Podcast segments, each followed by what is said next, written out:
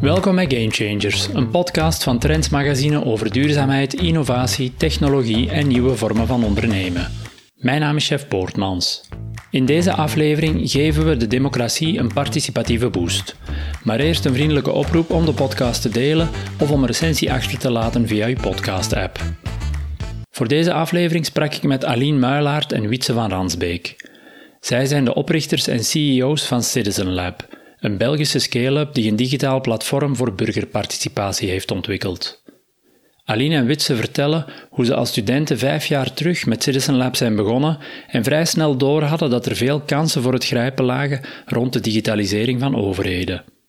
Om daar in het begin financiers van te overtuigen was een andere zaak.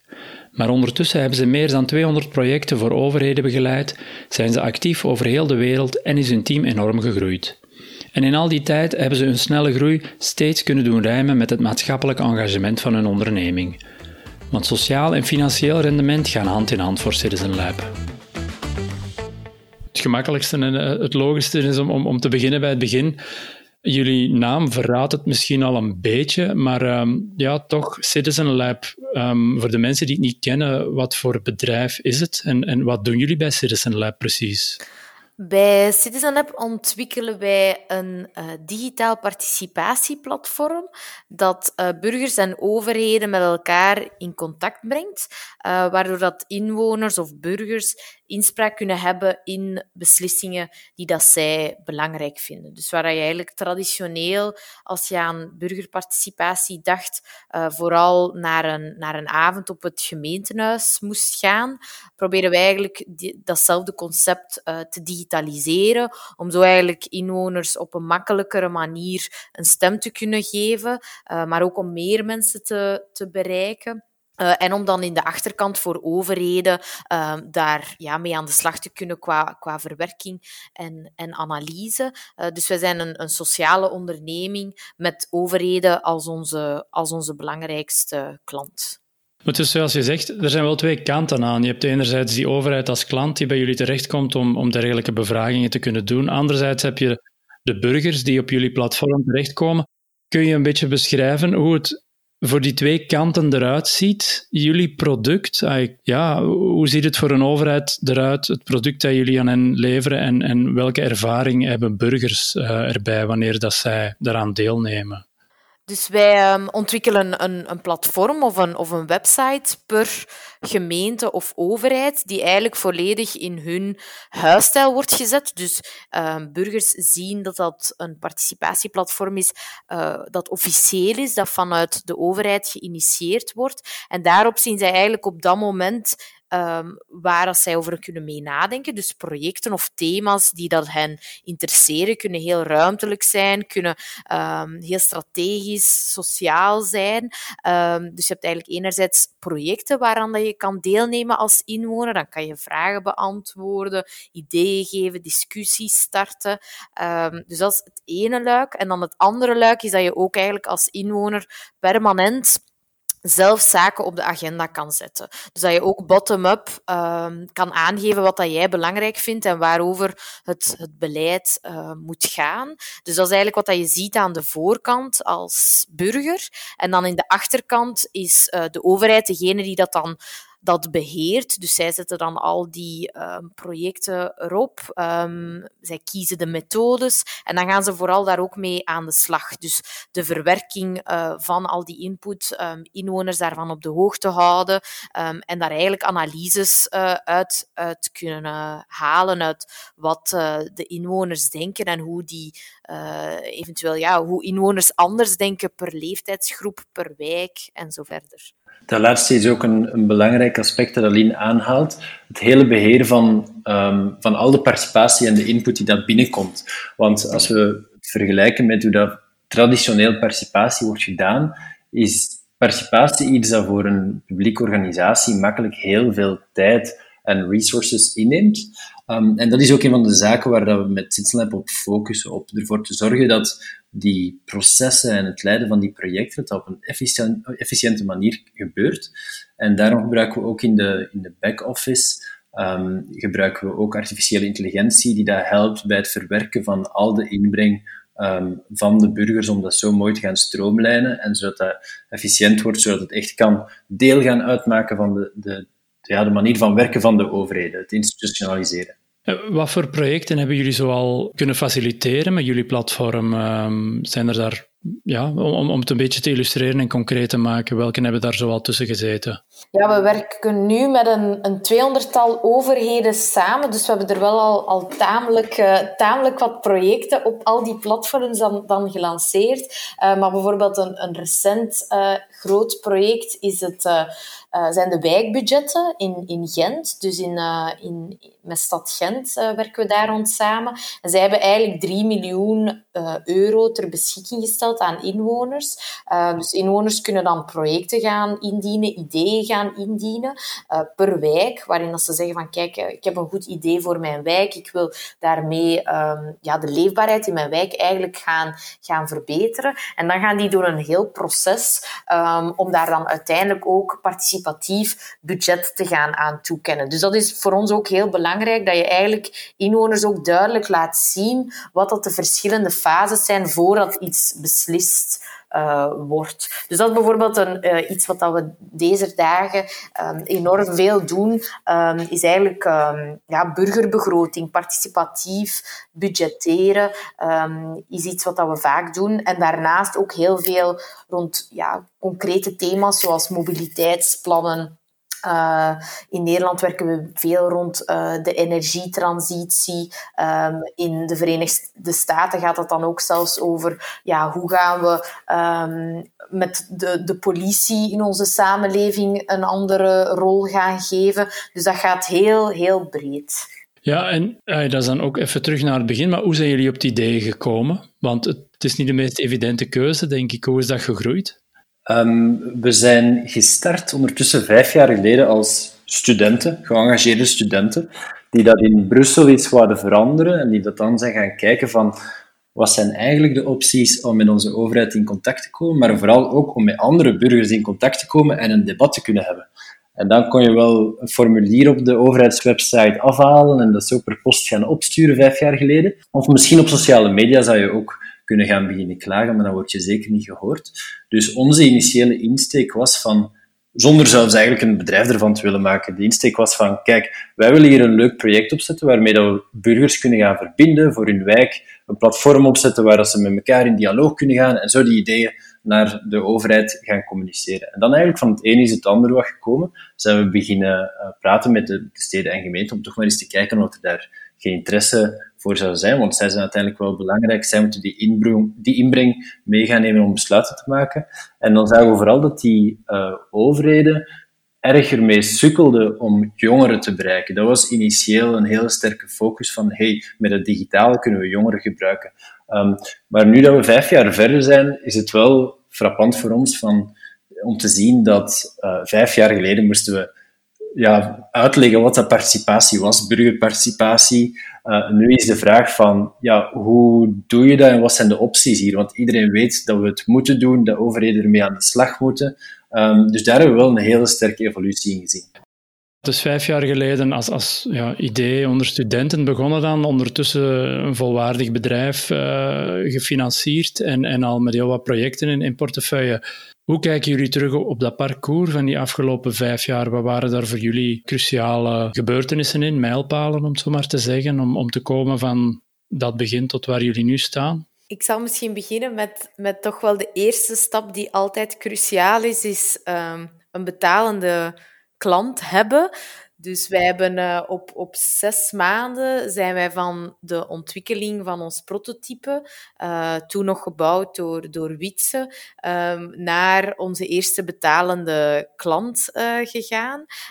dus dat was de stad Hasselt. En um, dus eigenlijk die, die eerste samenwerking was echt cruciaal om dan andere ja, klanten te gaan, of klanten of overheden te gaan aanspreken. Want het is ook een markt, de publieke sector, uh, dat heel geconnecteerd is. Iedereen praat met elkaar, of ze, ze willen het ook wel van elkaar weten. Dus vanaf dat je een, uh, een eerste klant hebt, um, kan je ook wel sneller die, die anderen gaan, gaan overtuigen. Dus ik denk dat dat een eerste heel belangrijke milestone was.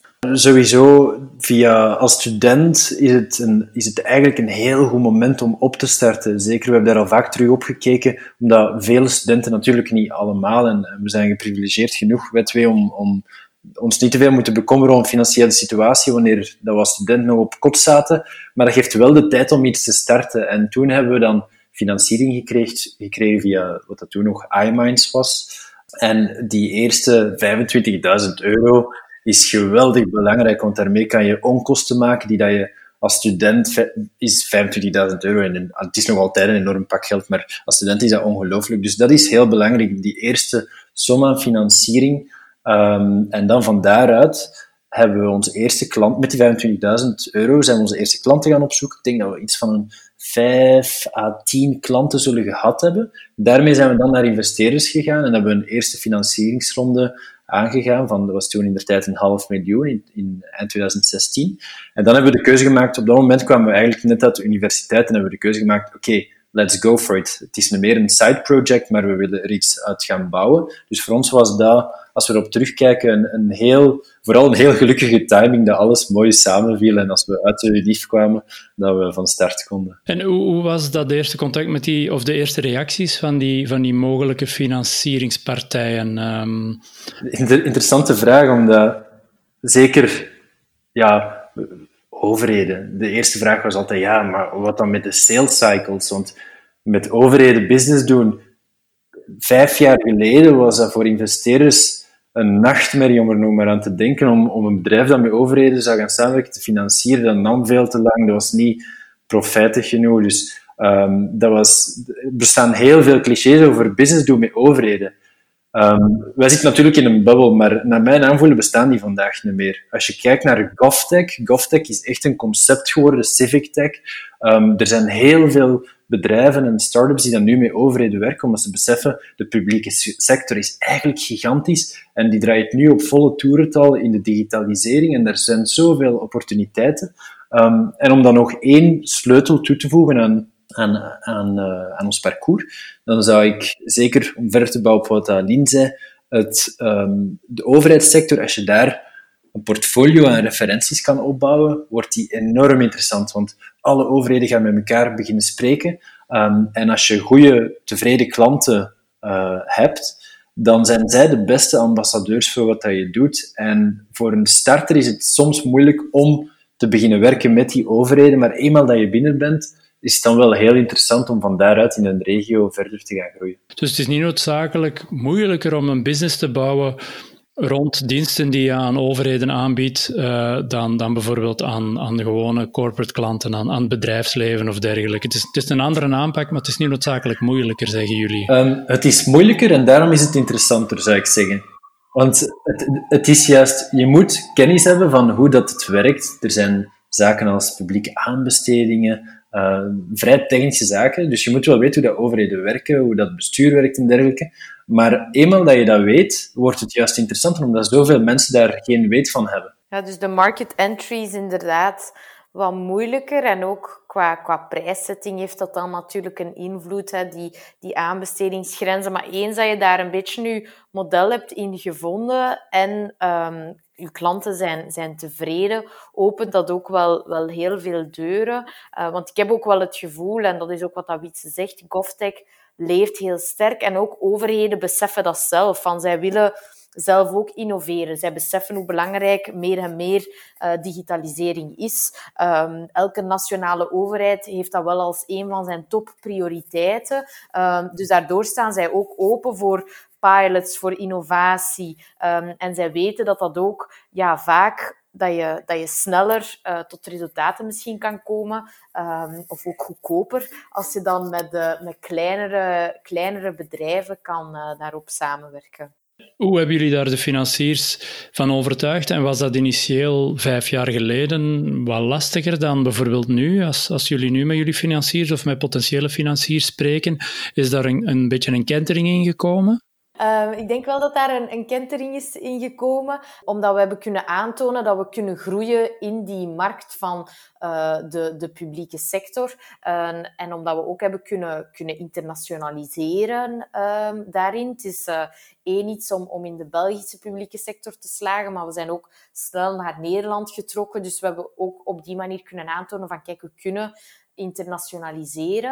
Um, en zoals Awitsen ook zegt, uh, enerzijds komt GovTech op, maar anderzijds komt ook het sociaal ondernemerschap meer op. En ik denk dat we van die twee trends, uh, dat wij daar ja, mee goed gebruik van kunnen maken, of dat zelfs mee vormgeven. Um, en dat we dan ook in onze keuze van investeerders op zoek kunnen gaan, of nu de luxe hebben om eigenlijk investeerders aan te spreken die dat daar ofwel een bepaalde expertise in hebben qua GovTech, of die dat puur investeren um, in uh, sociale ondernemingen en die dan niet enkel kijken naar de financiële groei, uh, maar ook de, de sociale impact die dat uw bedrijf uh, maakt. Ja, want voor jullie twee persoonlijk, ja, in plaats van een, een zoveelste CRM te ontwikkelen waarmee je, dat je dan tot, tot de bedrijfswereld richt, hebben jullie ja, gekozen voor die, voor die niche van de digitalisering van de burgerparticipatie. Maar wat zijn jullie persoonlijke drijfveren daarachter geweest? Waarom die niche? Voor ons allebei is het, is het die lange termijn droom om mee te kunnen uh, ja, een, een digitaal democratiemodel te gaan ontwikkelen. En, en dat is waar, we, waar we aan werken. Maar om te herbedenken hoe dat uh, ja, besluitvorming participatiever, democratischer en transparanter kan, is eigenlijk altijd al van in het begin um, de insteek geweest. En zoals je zegt, dat is inderdaad heel belangrijk voor ons dat we niet iets doen.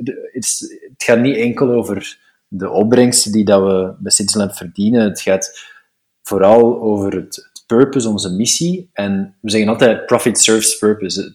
Natuurlijk, die opbrengsten zijn heel belangrijk, want dat is een instrument voor ons om onafhankelijk te doen wat, dat we, wat dat we willen doen. Um, maar dat is wel ja, belangrijk om, om te benadrukken dat die twee altijd hand in hand gaan. En dat is eigenlijk een heel fijne positie als, als uh, ondernemer, dat je, of als sociaal ondernemer, dat je wel in de privé zit. Want het voordeel daaraan is dat je onafhankelijk bent en dat je snel kan gaan, dat je nieuwe ideeën heel snel kan, kan uittesten.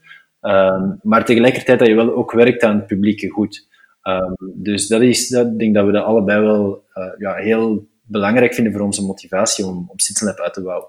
Hoe blijven jullie dat vormgeven? Want het, het, bedrijf groeit en op die groei komen we dadelijk nog wel terug. Maar ja, het is dan ook zaak om dat, uh, die missie te blijven voeden en misschien soms zelfs ook aanpassen. Maar dat maatschappelijk verantwoord aspect, hoe is dat, um, of hoe blijven jullie dat vormgeven binnen Citizen Lab? Wel, door vooral onze, onze strategieën en onze doelstellingen en onze rapportering door die altijd in twee op te splitsen. We kijken enerzijds naar onze groeicijfers, maar anderzijds altijd naar de impactcijfers ook. Dus die twee die gaan altijd samen op het allerhoogste niveau. Het is niet dat we daarop rapporteren als een, secundaire maatstaf, maar dat is uh, voor ons, die zijn allebei belangrijk en we zetten voor allebei uh, een, een, expliciete doelstelling. Dus dat is op het, op het hoogste niveau. We hebben ook een, onze, wat het dan heet, Theory of Change uh, ontwikkeld, um, waar dat we mee in kaart brengen van hoe we juist die impact maken, welke verandering dat we brengen um, voor overheden en voor burgers, welke positieve, mogelijk ook negatieve impact.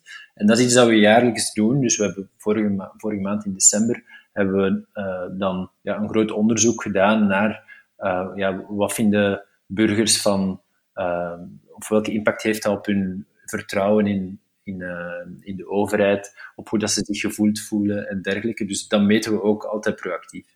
Ja, en ik denk dat naast het kader heb je natuurlijk, of de kaders die dat we scheppen door de, de doelstellingen en, en, en uh, bijvoorbeeld de theory of change, zijn er ook natuurlijk de, de mensen die het, die het bedrijf uh, maken. Dus ik denk het belangrijkste om, om die missie te kunnen blijven behouden, is dat iedereen die op het team komt, dat elke persoon um, intrinsiek gemotiveerd is door die, die missie. Um, en dan merk je ook dat we in het verleden bijvoorbeeld soms hebben samengewerkt met mensen die vooral geïnteresseerd waren in de groei van een bedrijf, in een scale-up, maar niet dan dat, dat democratisch vernieuwende. Dus elke persoon die dat bij, bij ons nu start, um, is daardoor wel intrinsiek gemotiveerd, waardoor dat er ook dan weer nieuwe ideeën komen vanuit het team. Um, of dat we natuurlijk nu door corona wat minder, maar normaal uh, met elkaar heel veel praten over, over die thema's en, en, over, um, en over politiek. Dus dat is iets dat enorm ook binnen ons team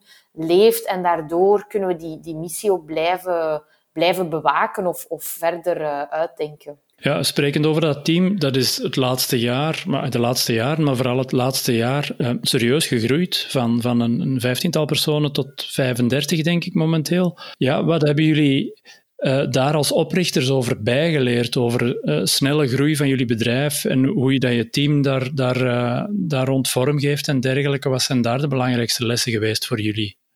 Ik denk wat Aline zei, dat dat het allerbelangrijkste is bewaren van je cultuur. En zelfs sterker, zien dat de mensen die dat erbij komen bijdragen aan die cultuur en die cultuur zelfs gaan versterken. We hebben het afgelopen jaar heel veel uh, energie gekregen als team door de nieuwe mensen die dat er zijn bijgekomen. Vooral ook omdat we een heel internationaal team zijn. We hebben, ik weet niet juist hoeveel nationaliteiten, maar ik denk ergens misschien een, een vijftiental of zo op het team.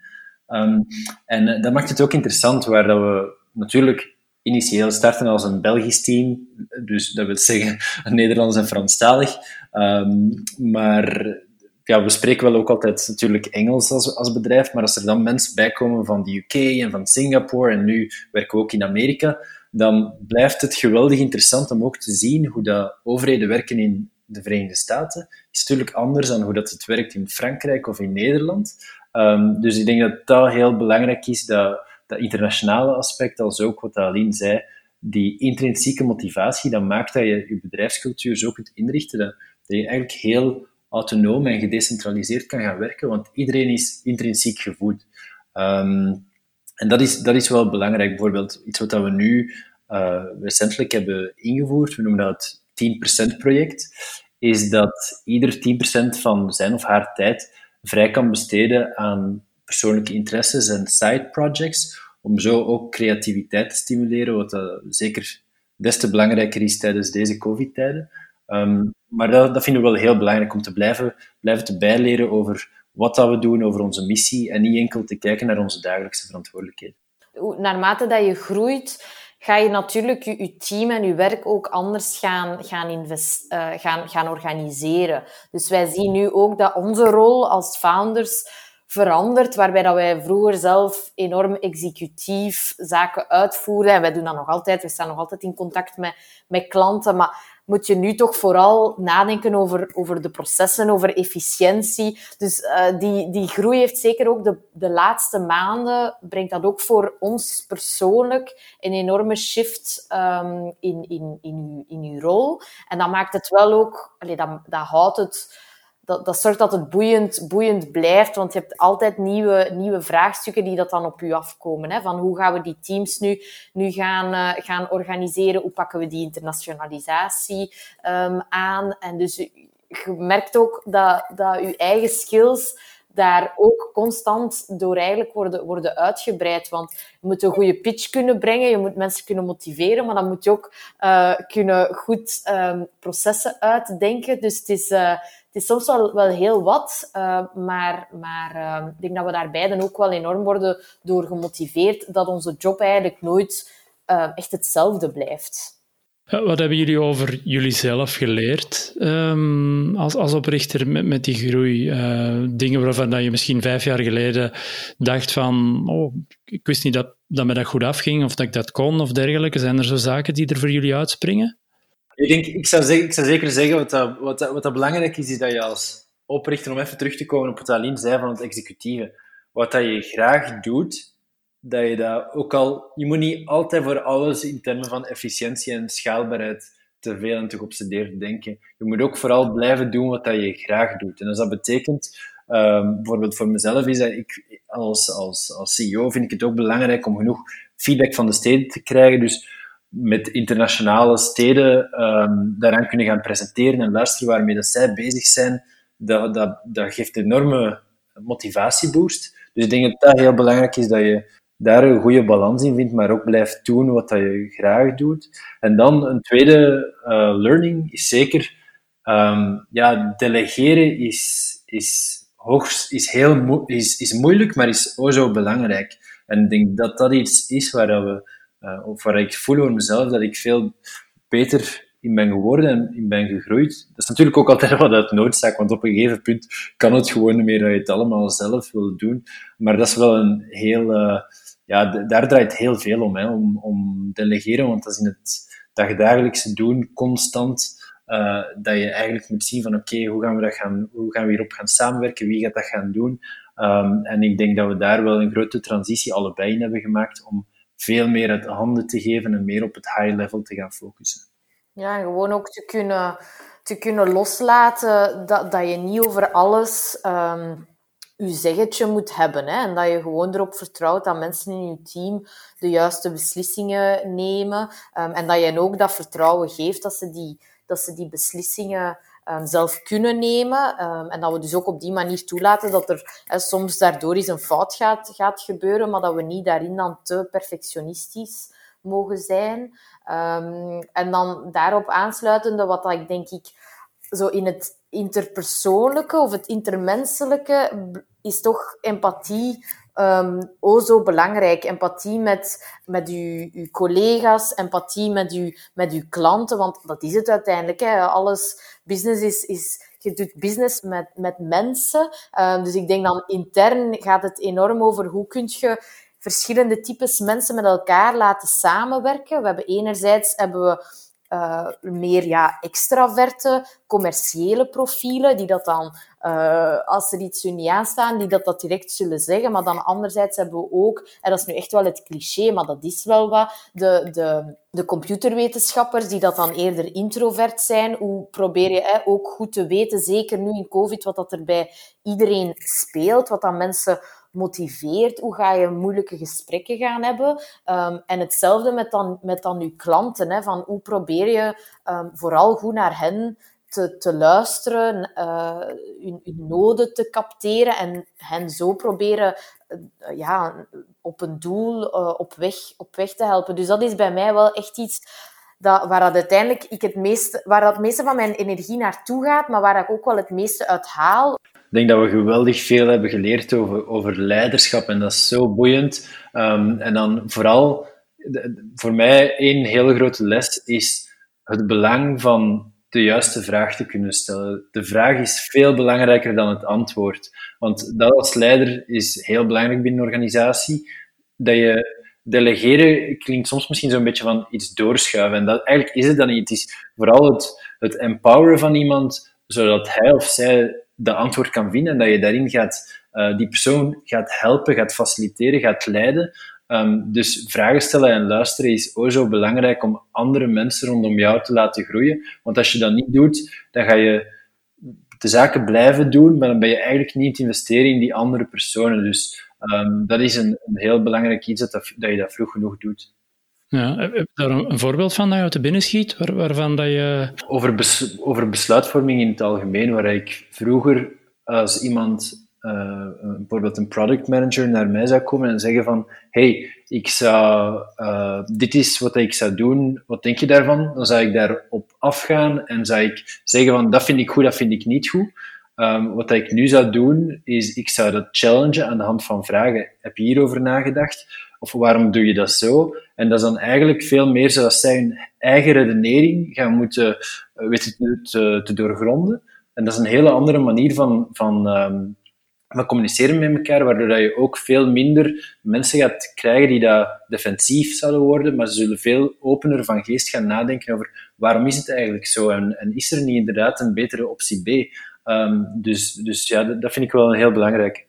En zo maken zij het ook beter. Hè? Zo houden zij u scherp. Want jij kunt dan misschien de juiste vragen stellen en daarmee proberen uw redenering bloot te leggen. Maar als zij zelf kritisch gaan nadenken, dan ja, gaat je dat ook allemaal gaan, gaan aanpassen. Dus dat klinkt nu misschien wel uh, heel uh, high level. Maar ik denk dat dat echt uh, zo, zo belangrijk is. En dat merken wij nu ook van als je mensen aanneemt die dat um, ja, in sommige zaken beter zijn dan u, of, of uh, dat, dat zij er ook voor zorgen dat je, dat je als organisatie stappen vooruit zet. Dus echt dat besef van, ik heb hier niet het antwoord op alles. En uh, dat, is, dat is zo belangrijk. Dus dat, dat, dat ego um, eigenlijk loslaten. Hè. En, en dat is ook iets wat we proberen in onze organisatie. Ehm, ja, proberen in onze samenwerking ervoor te zorgen dat echt mensen als natuurlijk persoonlijk erkend worden voor zaken, uh, maar dat we echt er als een team aan werken en niet proberen zo te veel uh, ja, de, de uh, aan te wakkeren. En dat is ook wel een feedback die dat we van veel collega's krijgen. Van de, de bedrijfscultuur voelt echt wel heel collaboratief. Um, nee, jullie, ja, jullie internationalisering, want die is ook volop bezig samen met, met groei van jullie team. Um, als jullie nu ja, plannen voor de toekomst of, of dromen voor de toekomst, als jullie uh, vooruitkijken voor Citizen Lab, waar willen jullie graag naartoe? Wat betreft, zowel wat betreft uh, geografisch, waar jullie uh, actief willen zijn, als ook misschien uitbreiding van de diensten of andere projecten die, die eventueel in het verlengde liggen van, van wat jullie nu doen. Um, ja, we zullen starten met het, met het geografische, want daar hebben we een uh, leuke uitdaging voor het komende jaar, de Verenigde Staten. een hele nieuwe markt, uh, een heel andere manier van werken. Het is trouwens interessant om te zien hoe dat de Verenigde Staten, wanneer dat neerkomt op participatie en op besluitvorming en dergelijke, dat ze daar wel enkele jaren achter staan tegenover ons. Uh, tegenover Europa. En dat is wel, vind ik opvallend om te zien. Ik denk dat we soms onderschatten in vooral dan, laten we zeggen, Noord-Europa, en dan wil ik zeggen België, Nederland, Scandinavië, hoe dat, dat echt wel al ingebed zit in onze manier van werken, dat we uh, consulteren, mensen laten participeren, uh, dat dat een manier is om meer draagvlak te vinden bij beslissingen. Um, en, en daar, in de Verenigde Staten, is toch nog ja, een paar jaar dat, dat ze daar achter staan. Dus dat gaat interessant worden, ook gezien de politieke context natuurlijk, waar dat het land nu in brokken ligt en dat we ook ons zo daar willen positioneren en dat we daarop willen mee, of daaraan willen meehelpen om een publiek dialoog te gaan creëren met mensen uit alle lagen en groepen van de, van de, van de bevolking. Uh, dus dat is een heel belangrijk, die segregatie tegengaan en verbinding zoeken. En dan daarnaast, een tweede deel van je vraag rond wat zijn andere zaken die dat we gaan doen. We hebben nu, vroeger werkten we met één team van developers op ons op het platform. En ondertussen hebben we dat opgedeeld in verschillende teams. We hebben eigenlijk vier verschillende teams, wat we noemen squads. En daar staan ook wel spannende zaken te gebeuren. We, hebben als reactie op dat overheden geen meetings meer konden organiseren, geen fysieke bijeenkomsten, hebben we een module gecreëerd voor interactieve workshops online. Dus waarbij dat je eigenlijk met video enerzijds, maar anderzijds dat je samen kan gaan brainstormen, samen beslissingen kan gaan maken volgens een bepaald script. Um, en dat is iets dat sterk wordt gebruikt door overheden, dus dat willen we, daar geloven we heel sterk in, dat er daar een toekomst ligt, de combinatie van enerzijds de, tussen aanhalingstekens, klassieke online participatie van ideeën geven, discussies aangaan, stemmen, wanneer je wil, waar je wil, maar anderzijds ook wel face-to-face, want het is wel belangrijk ook om naar elkaar te luisteren, die empathie te blijven creëren en zo eigenlijk van, van gedachten kunnen veranderen door een goed gesprek. Dus die twee die willen we met elkaar uh, gaan integreren. En dat is uh, wel de belangrijkste uitdaging om daar echt een heel sterk model neer te zetten voor, voor die digitale democratie. Maar verder gaan we dan ook nog verder bouwen op die artificiële intelligentie om te helpen bij het verwerken van al die gegevens en zo inzichten te krijgen en de input van burgers ook weten te linken aan het beleid. Want dat is, een, dat is belangrijk in onze missie, dat die input en die participatie, dat die ja, finaal dat die wel ertoe gaat leiden dat die het beleid informeert en dat het beleid daardoor ook wordt beïnvloed. Dus die link willen we nog iets sterker gaan maken. Um, dat is een beetje in notendop enkele van de grote plannen. Ja, ik denk dat wij samen met jullie uh, wel zullen uitkijken naar jullie verdere groei en uh, het verdere parcours dat uh, jullie zullen rijden met Citizen Lab. Maar um, voor nu zijn jullie alvast heel hard bedankt voor jullie tijd en inzichten. En ja, het was heel interessant. Dank je wel. Ja, jij bedankt, chef. Bedankt om, om ons uit te nodigen. Graag gedaan, bedankt. Tot zover deze aflevering van de Game Changers podcast. Bedankt voor het luisteren en aarzel zeker niet om hem te delen met familie, vrienden en kennissen of om een recensie achter te laten via uw podcast-app.